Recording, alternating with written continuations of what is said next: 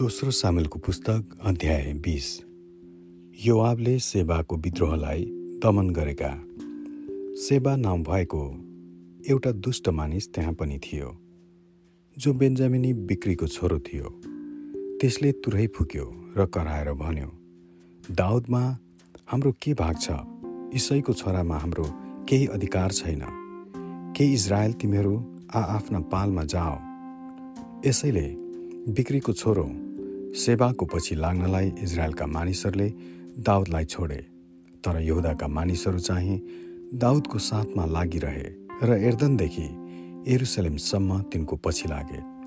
जब दाउद एरुसलेममा आफ्नो महलमा आए तब तिनले आफ्नो महलको हेरचाह गर्नलाई राखेका ती दस उपपत्नीहरूलाई लिएर नजरबन्दी गरे।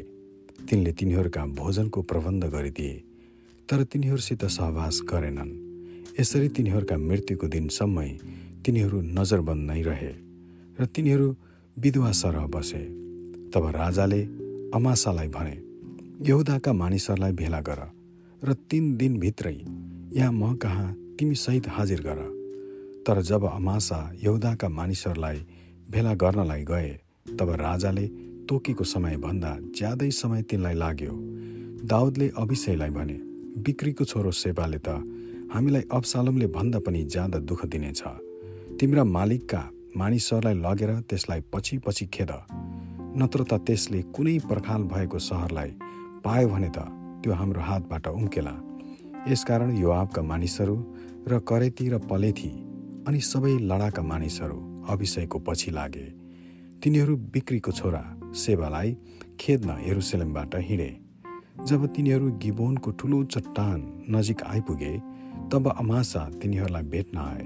त्यसबेला युवाबले चाहिँ जङ्गी पोसाक लाएका थिए र त्यसमाथि एउटा पटुका थियो अनि त्यसमा म्यान समेतको एउटा छुरी भिरिरहेका थिए। जब तिनी अघि बढे तब त्यो त्यसको म्यानबाट खस्यो। युवाबले अमासालाई भने हे मेरा भाइ अमासा तिमीलाई कुशलै होला अनि तिनले अमासालाई चुम्बन गर्नलाई तिनको दाहिने हातले अमासाको दारी समाते। अमासाले युवाबको हातमा भएको छुरीको ख्यालै गरेनन् अनि युवाबले तिनको भुँडीमा त्यो रोपिदिए र तिनको आन्द्रा भुँडी भुइँमा झर्यो तिनले दोस्रो पल्ट हिर्काउनै परेन किनभने अमासा मरिहाले।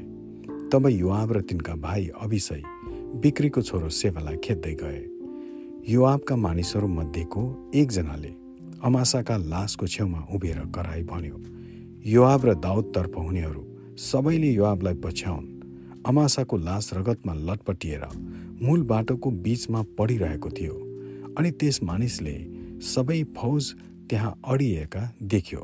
जब त्यसले देख्यो कि अमासा भएको ठाउँमा आउने जति त्यहाँ अडिन्थे तब त्यसले अमासाको लासलाई बाटोदेखि परतिर खेतमा घिस्याउँदै लगेर त्यहाँ फ्याँकिदियो र त्यसलाई एउटा लुगाले ढाकिदियो।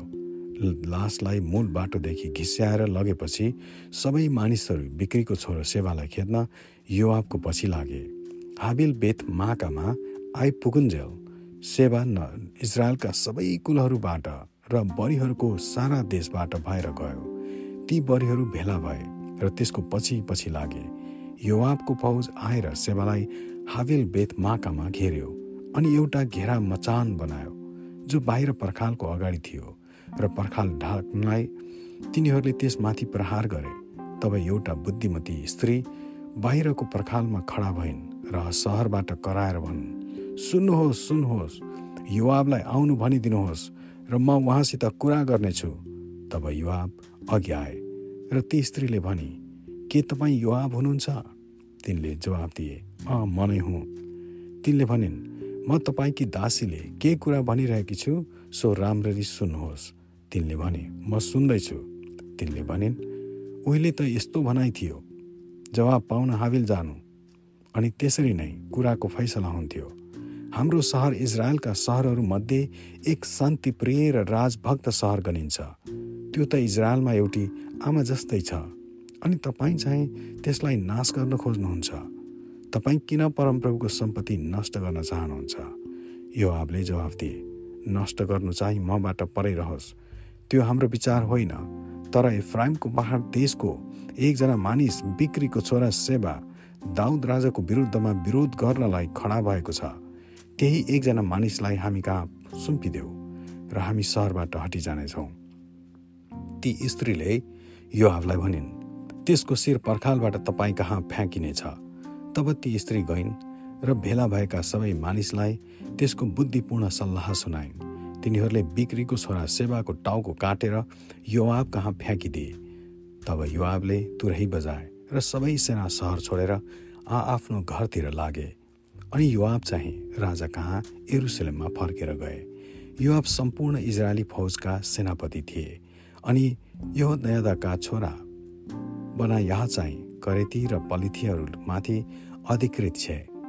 बेगार कामका लाउनेहरूको जिम्मा अदुनी रामको हातमा थियो। अहिलुदका छोरा एवसापात लेखापाल थिए। शोभा चाहिँ सचिव थिए अनि साधुक र अभियातार पुजारीहरू थिए। याइरी इरा चाहिँ दाउदका पुरोहित थिए। आमेन।